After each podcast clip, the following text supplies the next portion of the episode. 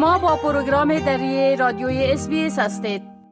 حال با جاوید روستاپور خبرنگار برنامه دری برای جنوب آسیا به تماس هستیم که طبق معمول اونا درباره تازه ترین تحولات در ارتباط به افغانستان صحبت می‌کنن. آقای روستاپور سلام عرض می‌کنم.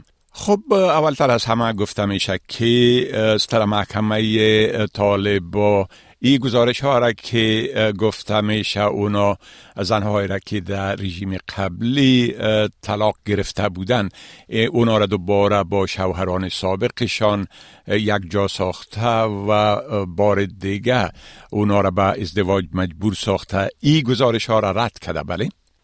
با سلام وقت شما بخیر جناب آقای شکیب بله همان گونه که شما اشاره کردین در محکمه طالبان گزارش های رسانه ها درباره ابطال طلاق شماری از زنان به اساس مقررات این گروه تبلیغات و بیبنیاد خواندند. چرا محکمه طالبان در اعلامیه گفته که این گزارش ها بدور از واقعیت است و این طلاق های مطلقه که قبلا صورت گرفته یعنی به طرف بوده و یا این نپرداختن و این موضوع نظر طالبا موضوع نیست که به این طالبا گفتن باید بپردازن و یا سری موضوع اینا بحث و گفتگو کنن و این گزارش هایی که از جمله واشنگتن پست چند پیش به این گزارش پرداخته بود که طالباش هزاران زن در بود که در رژیم قبلی از شوهرانشان به دلیل ناراضی بودن و یا شوهرانشان معتاد بودن طلاق گرفتن. طالبا به گزارش آمده بود که دوباره به هم نکاح کردن. اما اصطلاح محکمه طالبا گفته که هیچ گونه طلاقی که در گذشته صورت گرفته اینا به این نپرداختن. ولی تعدادی اشاره کرده که از هایی که اینا خودشان خواستن که دوباره با شوهرانشان یکجاشن ریاست امر به معروف طالبان در ولایات اینا را به گفته که به تفاهم خود زن شوهر و همچنان شاهدان یعنی گفته دوباره اینا را به نکای هم در آوردن این در حالی است که گفته میشه با گزارش شده که با روی کار آمدن طالبان ده ها زن در برخی ولایات توسط افراد این گروه از شوهرانشان طلاق گرفته شده و طلاق بزرگ گفته شده که از جمله دو رسانه افغانستان گزارش داد. گزارش داد در این مورد به نقل از منابع محلی که بعد پس از اینکه زنها از شوهرانشان طلاق گرفته شدن بر نکای افراد طالبان در آورده شدند بله خب گفتم میشه که اعضا و دوستان خانواده های چند نفره که گفتم میشه توسط طالب در مزار شریف کشته شدن به کابل آمده و مظاهرات را برای دادخواهی را اندازی کردن. بله. دقیقا خانواده و نزدیکان هشت نفری که دو روز پیش توسط طالبان در شهر مزار شریف مرکز ولایت بلخ در شمال افغانستان کشته شدند.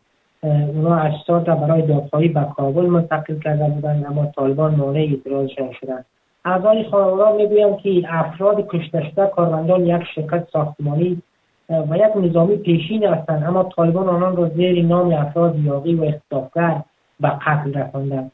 دست کم چند منبع و نزدیکان افراد کشته شده هم به برخی رسانه‌های محلی گفتند که آنها به کابل آمدن. می‌خواستند که در برابر ساختمان دفتر سازمان ملل یا یونما اعتراض کنند و این اجساد را اونجا بر دادخواهی اونجا با خود بیارن. اما طالبان مانع اعتراض و دادخواهی این افراد شدن و گفتن هیچ اجازه ندارند که راهپیمایی کنند خانواده کشته شدن میگن که طالبان با کشتن این هشت نفر زیر نام یاقی و اختطافگر و شخصیتی از او به قوم و تبارشان یا توهین کردن و آسیب رساندن و او تاکید کردند که در مکانی که اجساد نفرها کشته شدند از طرف نظامیان طالبان هیچ درگیری به طرفه صورت نگرفته.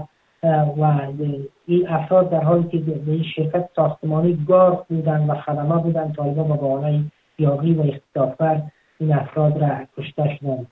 این در حالی است که روز چهارشنبه گذشته قماندانی امنیه طالبان در ولایت بلخ با نشر یک خبرنامه گفت که هشت نفر اختطافگر در درگیری با نیروهای امنیتی گروه در شهر مزار شریف کشته شدند. بله خب ادعا شده که اعضای گروه طالبان در سر پل بر یک خانم و دو دختر خردسالش تجاوز کرده اگر لطفا در این باره یک مقدار تفصیلات بتین. بله در یک نوار تصویری نشر شده یک زن باشنده روستای خانقای ولسوالی سوزمقاله ولایت سریپول ادعا می‌کند که اعضای طالبان بر وی و دو دختر خردسالش تجاوز کردند.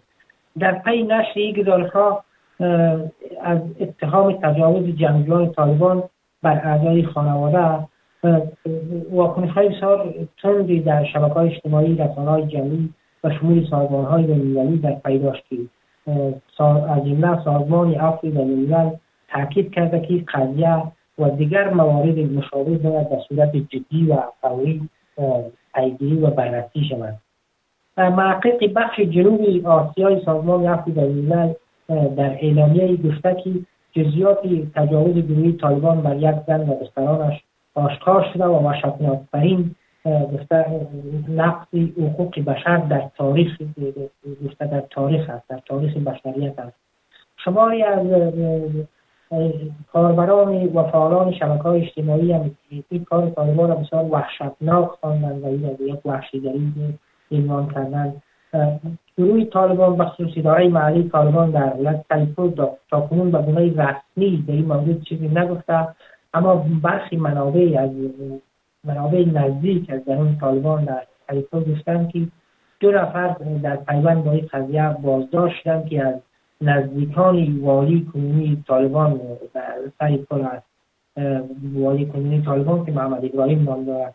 که ادعا می شود دو طالبان در استانی سوزمقله در سیپون شب هنگام به خانه خانواده حمله کرده و خانم و دو دختر خودسال خانواده را با تجاوز جنسی قرار دادند.